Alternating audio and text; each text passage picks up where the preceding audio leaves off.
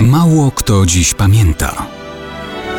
Datownik historyczny prezentuje Maciej Korkuć.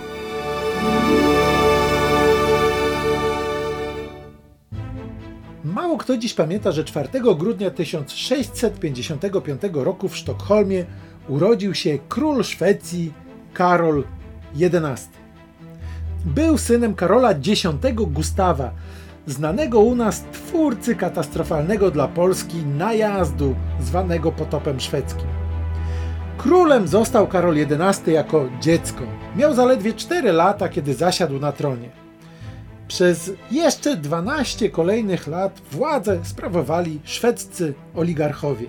Kiedy Karol XI dojrzał i faktycznie objął władzę, wziął się aktywnie za politykę zagraniczną i wewnętrzną. W tej pierwszej jakoś mu nie szło. Sprzymierzony z Francją wdał się w wojnę na obszarze niemieckim. Jednak nie miał szansy poszczycić się nadmiernymi sukcesami militarnymi. Atak na Brandenburgię spowodował wojnę z Danią i Holandią, które w kilku bitwach morskich rozbiły szwedzkie okręty, przejmując inicjatywę na Bałtyku. Z kolei Brandenburczycy rozbili szwedzką armię lądową pod Ferbelinem. Paradoksalnie wojny te wykorzystał jednak Karol XI do scentralizowania władzy wewnątrz kraju.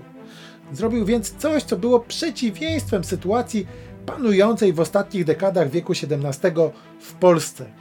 Dzięki wsparciu niższych stanów Karol XI przeprowadził w Szwecji skutecznie proces odzyskiwania dóbr królewskich, czym skokowo powiększył dochody skarbowe.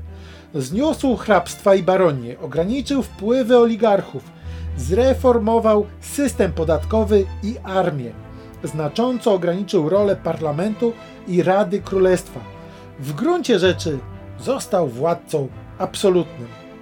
Umarł wkrótce po naszym królu Sobieskim, ale Rzeczpospolita siły traciła, a Szwecja wtedy gotowała się do nowych podbojów.